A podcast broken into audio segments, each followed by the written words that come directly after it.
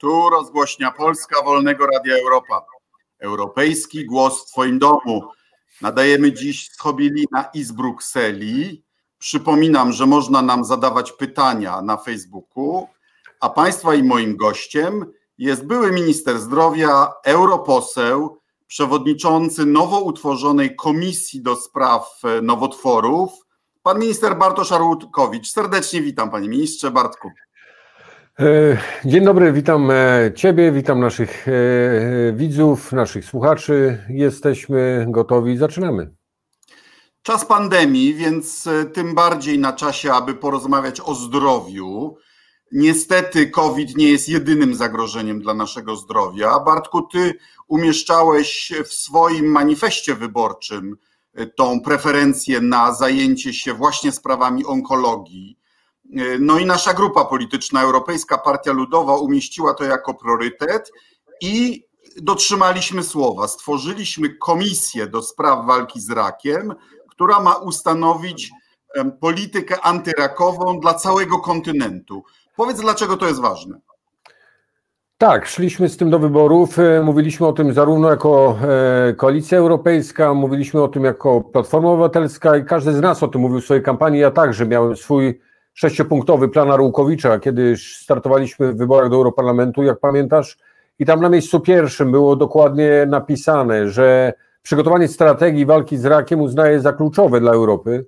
I po roku starań naszej grupy politycznej, ale także polskiej delegacji, całej polskiej delegacji Europejskiej Partii Ludowej, mm, udało się taką komisję stworzyć. Na początku było bardzo trudno, e, ale postaraliśmy się o to, żeby przejąć przewodnictwo tej komisji przejęliśmy jako Polacy, potem e, wspólną decyzją naszych koleżanek i kolegów e, ja objąłem szefowanie tej komisji. Ta komisja jest ważna, dlatego że e, musimy napisać w końcu strategię onkologiczną, prawdziwą strategię onkologiczną dla Europy, dlatego że jeśli Europa potrafi prowadzić wspólną politykę rolną, potrafi prowadzić wspólną politykę budowania dróg, szkół, szpitali, to dlaczego ma nie zbudować wspólnej polityki walki z rakiem? COVID obnażył to, że jeśli nie będziemy w Europie działali wspólnie w takich trudnych wyzwaniach e, cywilizacyjnych, to po prostu przegramy. Irak jest takim wyzwaniem.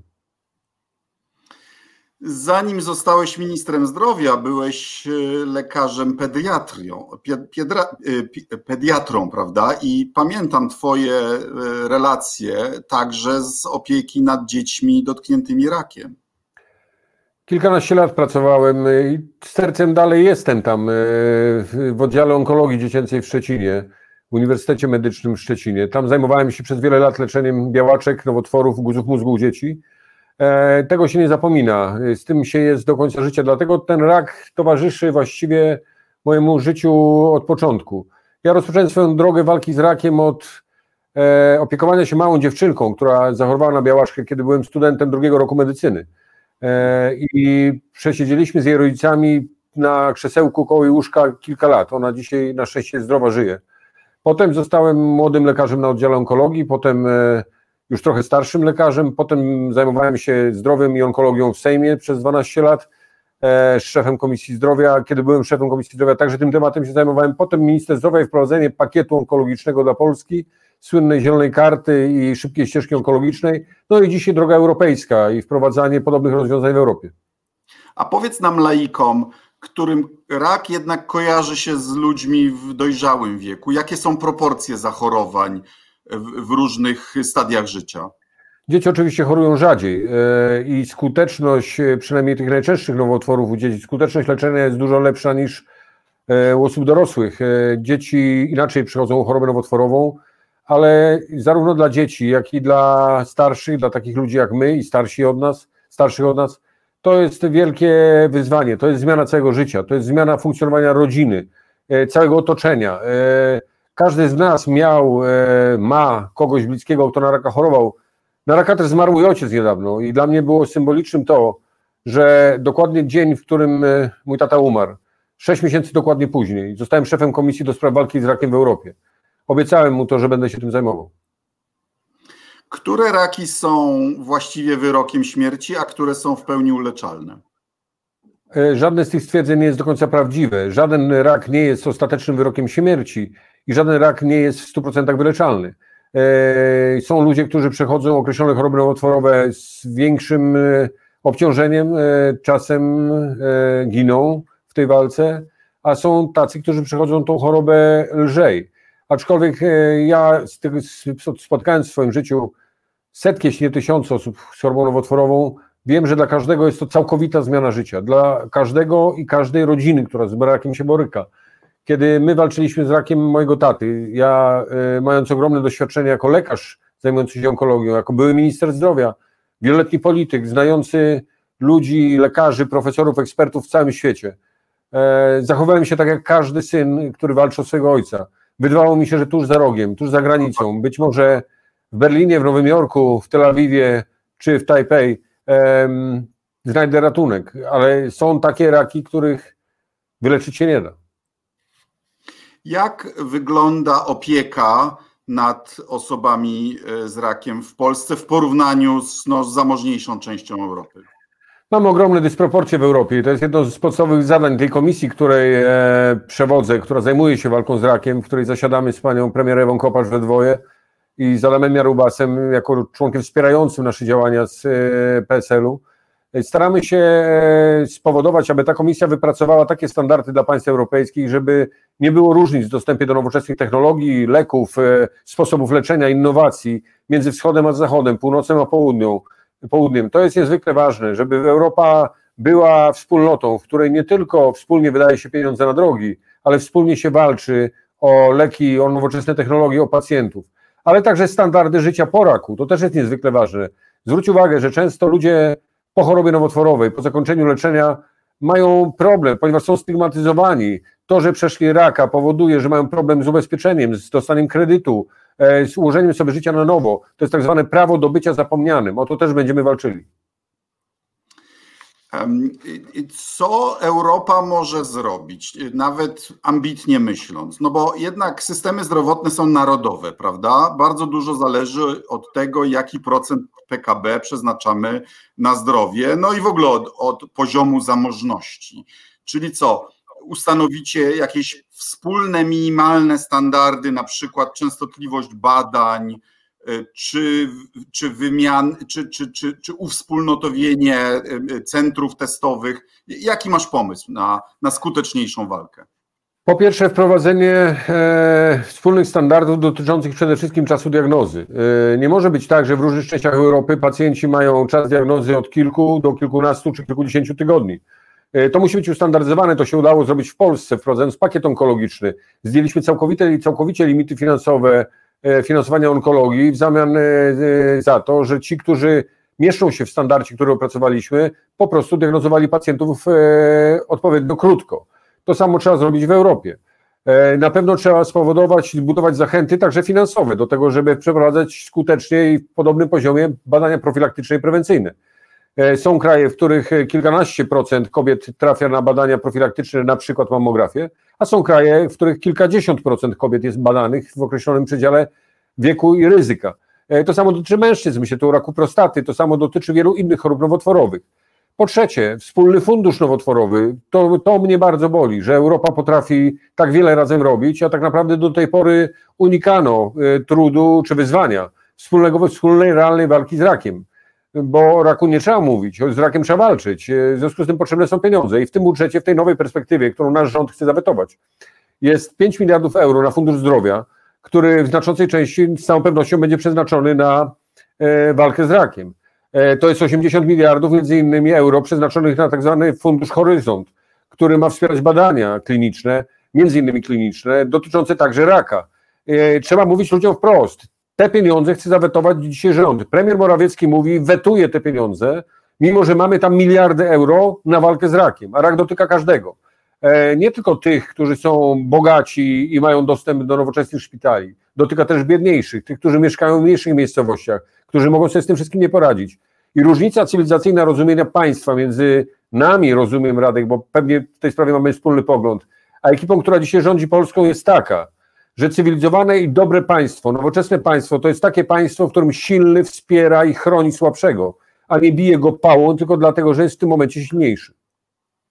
Ciekawe, co mówisz, bo na samym początku pandemii powstało wrażenie, że Unia Europejska przespała jakieś 2-3 tygodnie, prawda? gdy zaczęły być jakieś wstrzymania respiratorów między bodajże to było Niemcami a Włochami, podniósł we Włoszech się fala oburzenia, prawda? Mam wrażenie, że Unia e, się spięła, stanęła na wysokości zadania, wykorzystała te instrumenty, jakie ma dotyczące wolnego przepływu towarów, prawda?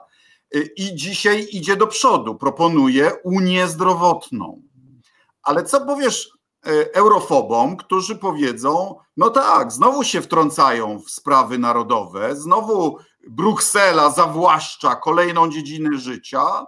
E, przecież to powinna być sprawa e, państw członkowskich. Dlatego tak mówią, ponieważ boją się wspólnych zasad europejskich. To jest oczywiste. Tam, gdzie jest wspólnota, tam jest przejrzystość zasad, sprawiedliwość podziału dobra wspólnego zasady także antykorupcyjne, które obowiązują w wielu państwach Europy. U nas o korupcji się dużo mówi, mało się robi. Ja przypomnę Tobie i nam wszystkim, którzy nas oglądają, że w tym czasie, kiedy Europa zbroiła się na walkę z COVID-em, kiedy zamawiano respiratory, maseczki, leki przeciwwirusowe, gromadzono osocze, w Polsce minister Szumowski zajmował się kupowaniem respiratorów od człowieka, który e, wedle doniesień mediów zajmował się handlem bronią. E, w czasie, kiedy Europa Naprawdę szokujące. Polska nie wzięła udziału we wspólnym zakupie y, renomowanych, y, dobrych respiratorów y, taniej, po to, żeby kupić, a, a, a przynajmniej zapłacić za jakieś podejrzane respiratory z podejrzanego źródła za więcej pieniędzy od kolegi. Tak, i to się działo za czasów ministra Szumowskiego. Przypomnę e, Ci, że cała ta ekipa czmychnęła po prostu pewnego dnia z Ministerstwa Zdrowia. Jak się zorientowali, że ludzie już to wszystko widzą, że ludzie już wiedzą, na czym polegała polska walka z COVID-em, że ludzie e, potrzebują pomocy, a tej pomocy po prostu nie ma. Ale u nas fikcja goni fikcję. Zwróć uwagę na to, co się dzieje z, ze szpitalem narodowym, tak zwanym narodowym. E, zresztą oni wszystko, co robią, nazywają narodowe. W tym całym narodowym szpitalu mamy finansowanie wielokrotnie przewyższające finansowanie w zwykłych szpitalach. E, mm, fundusze przeznaczone na funkcjonowanie zarządu to ponad 600 tysięcy miesięcznie. Miesięcznie ten szpital zużywa wedle danych, które przedstawiają media, powyżej 20 milionów złotych i przyjmuje się tam 20-30 pacjentów i on stoi pusty i premier przebiera się w swój zielony polar i fotografuje się na tle pustych łóżek. Ja mam wrażenie, że premier Morawiecki ogóle stworzył jakiś alternatywny swój świat, w którym opowiada ludziom, że pandemia się skończyła, że nic się złego nie dzieje, szpital narodowy stoi pusty. Ja zapraszam premiera do szpitali, w których sory są przepełnione pacjentami, w których lekarze walczą każde wolne łóżko, każdy wolny respirator. Niestety rząd oparty na pizzu e, nie może jednocześnie dobrze zarządzać pandemią, bo tak jak widzimy w takich krajach, które z pandemią sobie dobrze radzą, Korea, Tajwan, Niemcy, to kluczem do skutecznej walki z pandemią jest zaufanie między rządzą, rządzącymi a rządzonymi. A jak można budować zaufanie na, na pizzu i kłamstwie? No, poruszyłeś kluczową sprawę, e, dlatego że jeśli wybieramy się na wspólną wojnę, a to jest wojna z wirusem, ludzie umierają, e, tysiące ludzi umierają e, z powodu tego wirusa. Jeżeli wybieramy się na wojnę, to musi być wspólnota zaufania między tymi, którzy walczą na pierwszej linii frontu i tymi, którzy dowodzą walką. Jak pielęgniarki, lekarze, ratownicy, diagności mają mieć zaufanie do rządzących? Skoro na początku pandemii zostali wyposażeni w niewłaściwe maski, nie wiedzieli o tym, poszli do walki z COVID-em w maseczkach, które ich nie zabezpieczały. Jak mają im ufać, skoro e, nie dostarcza się odpowiedniej ilości środków zabezpieczających do szpitali? Jak mają im ufać, jak widzą stojące puste respiratory na stadionie narodowym, a oni walczą o każdy respirator, żeby ratować kolejne życie? Jak mają ufać rządzącym w końcu, skoro ci ich dzielą, że ci będą mieli takie dodatki, a ci nie będą mieli dodatków? I w tym samym czasie Ardanowski rozdaje 250 milionów nagród w Ministerstwie Rolnictwa, a Kurski dostaje 2 miliardy na telewizję. Jak budować zaufanie między rządzącymi i rządzonymi? Y, znasz Polskę, teraz będziesz to śledził także z punktu widzenia całej Europy. Jak sądzisz, pandemia wpłynie właśnie na walkę z rakiem? Bo ja tutaj y, mam jakieś przerażające dane, że na przykład jeśli chodzi o mamografię, to w marcu 2020 e, roku zrobiło ją, testów było 8,5 tysiąca, 8,5 tysiąca wśród mieszkanek Mazowsza, a w kwietniu już tylko 388, w maju 1200. No to, to nie może nie mieć swoich konsekwencji dla zachorowalności i dla wykrywania, prawda? Radek, e, będę mówił za kilka dni w Polsce publicznie. Dlatego, że mm, prawdziwe efekty COVID-u, prawdziwe efekty COVID-u dostrzeżemy dokładnie za kilka, kilkanaście tygodni, kilka miesięcy. I nie będą to pacjenci chorujący z powodu COVID-a, a będą to pacjenci nieleczeni z powodu COVID-a, ale chorujący na inne choroby, tak jak rak, udar, zawał, nadciśnienie i cukrzyca. Będziemy mieli drastyczne wzrosty zgonów z powodu tych chorób. Zmniejszają się szanse na, na, na wyzdrowienie, ale na koniec statystyki e, śmierci e, no będą takie, jakie będą, czyli śmiertelność nam po prostu wzrośnie z tych różnych przyczyn pośrednich związanych z pandemią, prawda? O tym właśnie mówię. Jeśli już spojrzysz na statystyki śmierci między tym rokiem a poprzednim, już widać no. drastyczne podwyższenie liczby zgonów. Na razie Ile? mamy do czynienia ze zgonami w dużej większości dotyczącymi COVID-a, COVID e, ale te, te, zgony, te, te liczby zgonów będą rosły, dlatego że ludzie dzisiaj nie mają gdzie się leczyć, dlatego że rząd popełnił absolutnie śmiertelny grzech zaniechania. E, podstawowy grzech zaniechania w walce z COVID-em. Mówiłem o tym wielokrotnie, nie słuchali, e, za ten grzech zapłacimy my wszyscy. To jest decyzja, właściwie brak decyzji o stworzeniu sieci białych szpitali, czyli szpitali bezwzględnie chronionych przed wirusem, być może za pomocą także wojska i policji, szpitali, do których, w których moglibyśmy leczyć pacjentów, którzy mają raka, cukrzycę, nadciśnienie, udar, i którzy nie mają COVID-a. E, niestety chaos i brak decyzji zarządczych spowodował to, że ci ludzie dzisiaj nie mają gdzie się leczyć, dlatego że zakażono e, ogromną liczbę lekarzy, pielęgniarek, ratowników, diagnostów.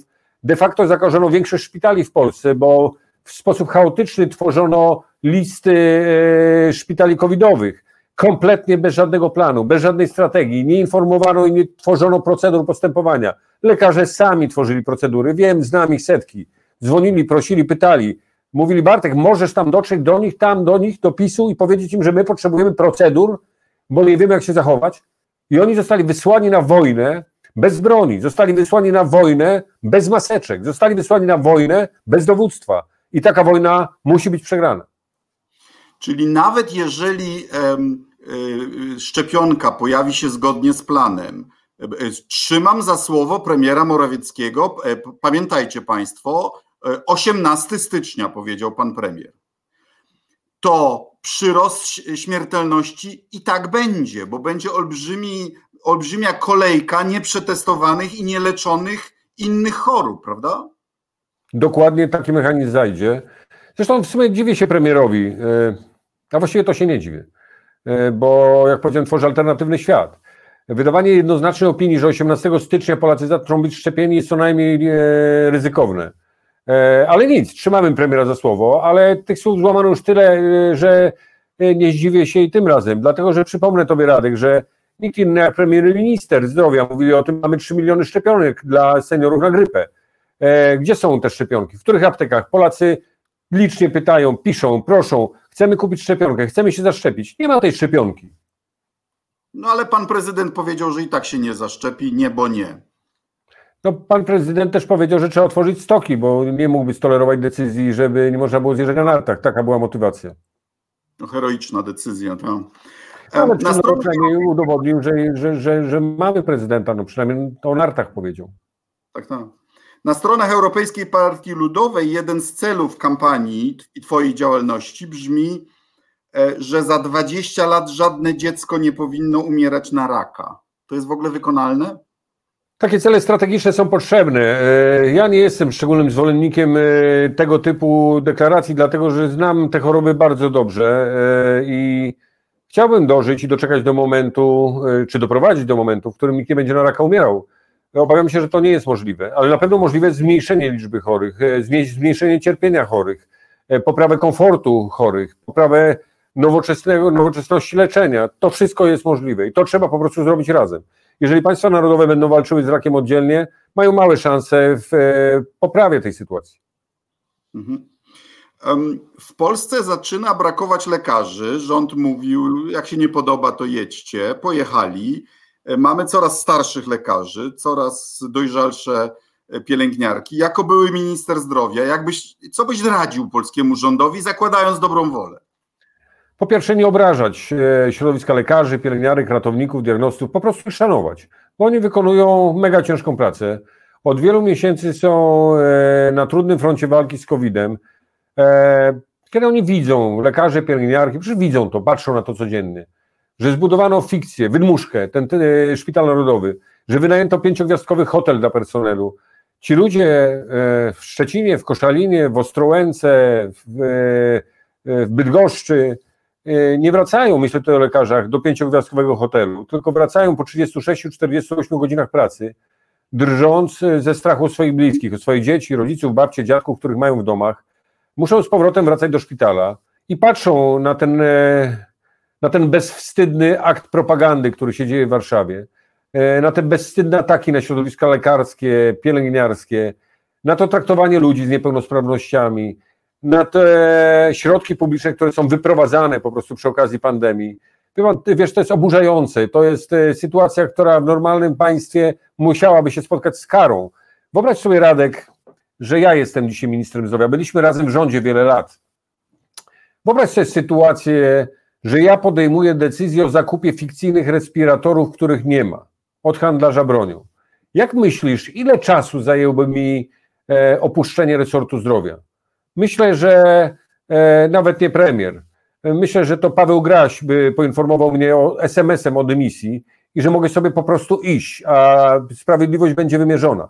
E, a dzisiaj mamy do czynienia z taką sytuacją, że respiratory są zamawiane, wydane setki milionów złotych, respiratorów nie ma, a premier dziękuję temu byłemu ministrowi zdrowia. Takie mamy dzisiaj standardy.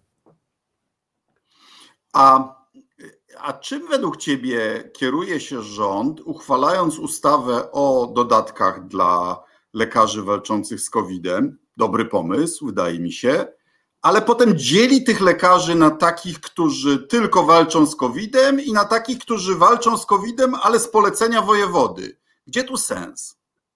Bo oni nie chcą e, pomóc lekarzom, lekarzom. Oni tak naprawdę nie przejmują się tym, dlatego że e, jeśli budujesz państwo zbudowane z propagandy, z e, nieprawdziwego świata, jeśli popatrzysz na to, co się dzieje w telewizji tak zwanej publicznej, nie chcę jej nazywać inaczej, przeczytałem ostatnio twój wpis internetowy, mm, dość dosadny, zgadzam się z nim, E, ale dość charakterystyczne, że szef dyplomacji użył tak twardych słów e, publicznie, dlatego że ty też pewnie już tego nie wytrzymujesz. Ciężko jest wytrzymać i żyć w ciągłym kłamstwie, propagandzie i nieprawdzie. E, inne państwa radzą sobie lepiej z COVID-em, dlatego że mówią ludziom prawdę. Pracujesz też w Belgii, pracujemy razem dzisiaj w Parlamencie Europejskim, w Brukseli, znasz te realia tutaj. Zwróć uwagę na rozbieżności danych między Polską a Belgią. Zwróć uwagę na standardy zachowania procedur. Powiedzmy naszym widzom, Powiedz, czy możesz wyjść na korytarz e, Parlamentu Europejskiego bez maski? Czy ktoś z tobą w ogóle dyskutuje? Nie wolno ci tego zrobić. Czy możesz przejść się bez maski po ulicach Brukseli? Nie wolno ci tego zrobić, dlatego że władza mówi jasno do ludzi tutaj.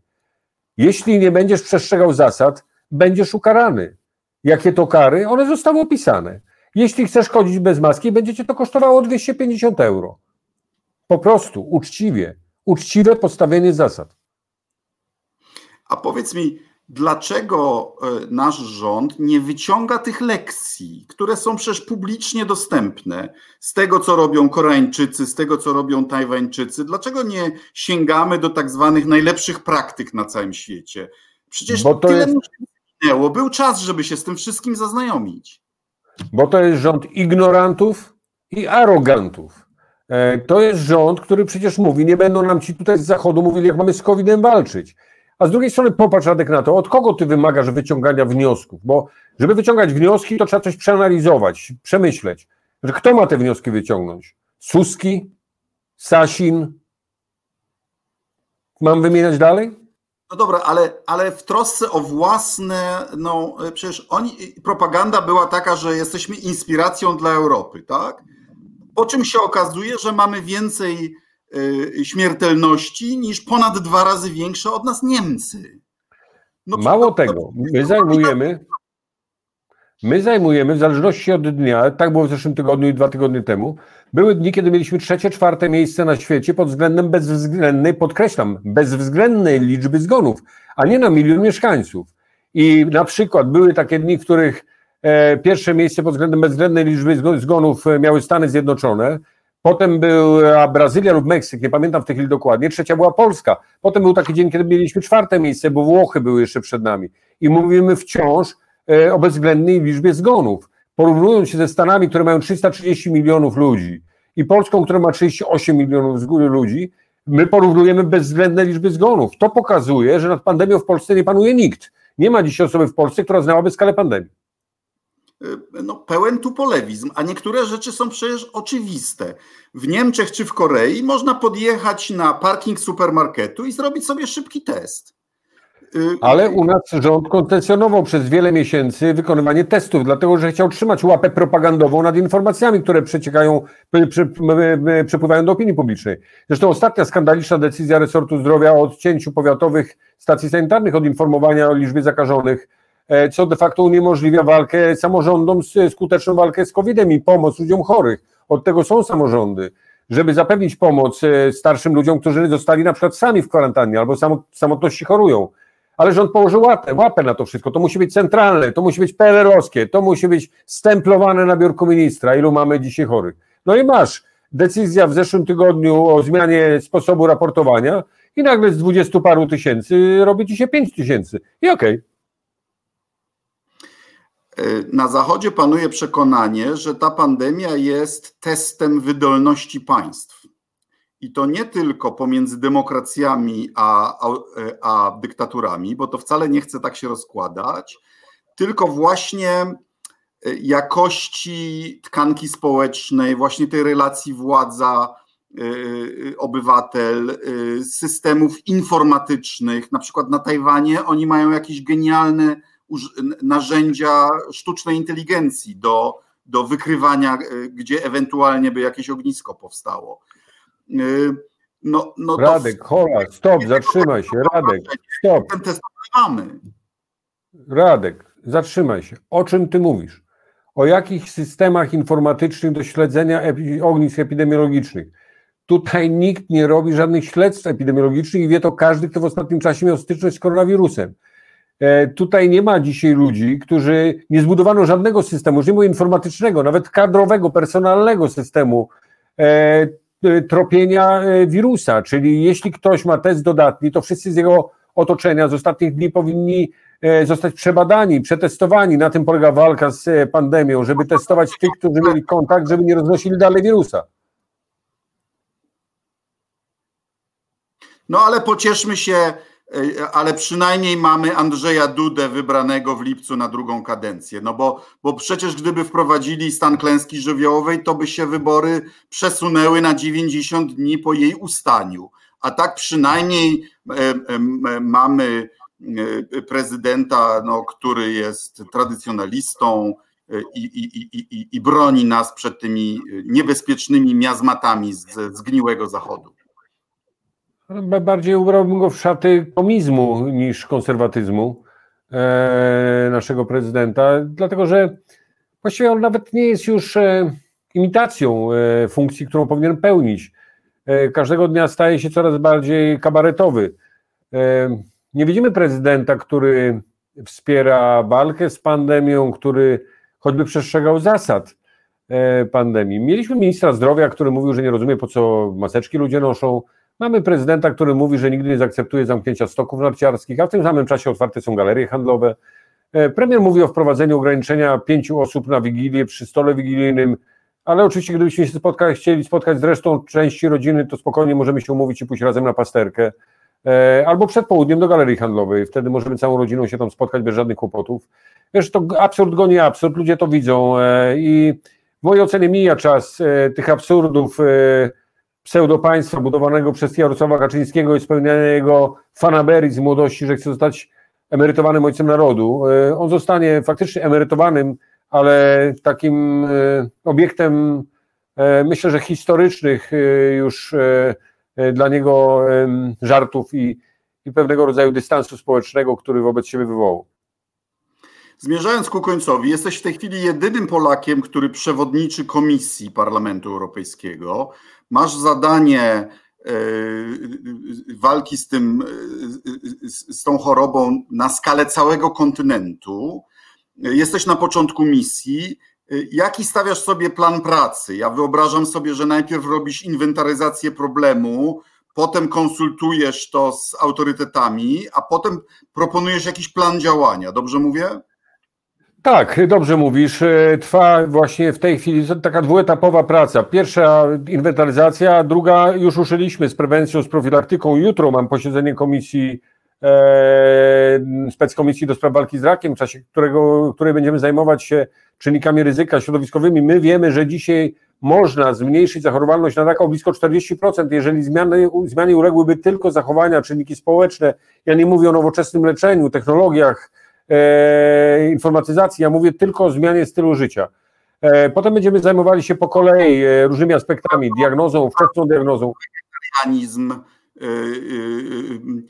że spożywanie mniej mięsa jest dobre w tym kontekście? Na pewno mądra i odważna dieta, pewnie niełatwa dla, żadnego, dla każdego z nas. E, wpływa na czynniki nowotworotwórcze, no ale takie czynniki jak e, tytoń, alkohol, e, czy też czynniki środowiskowe, myślę o jakości powietrza, którym oddychamy, to wszystko ze sobą się wiąże.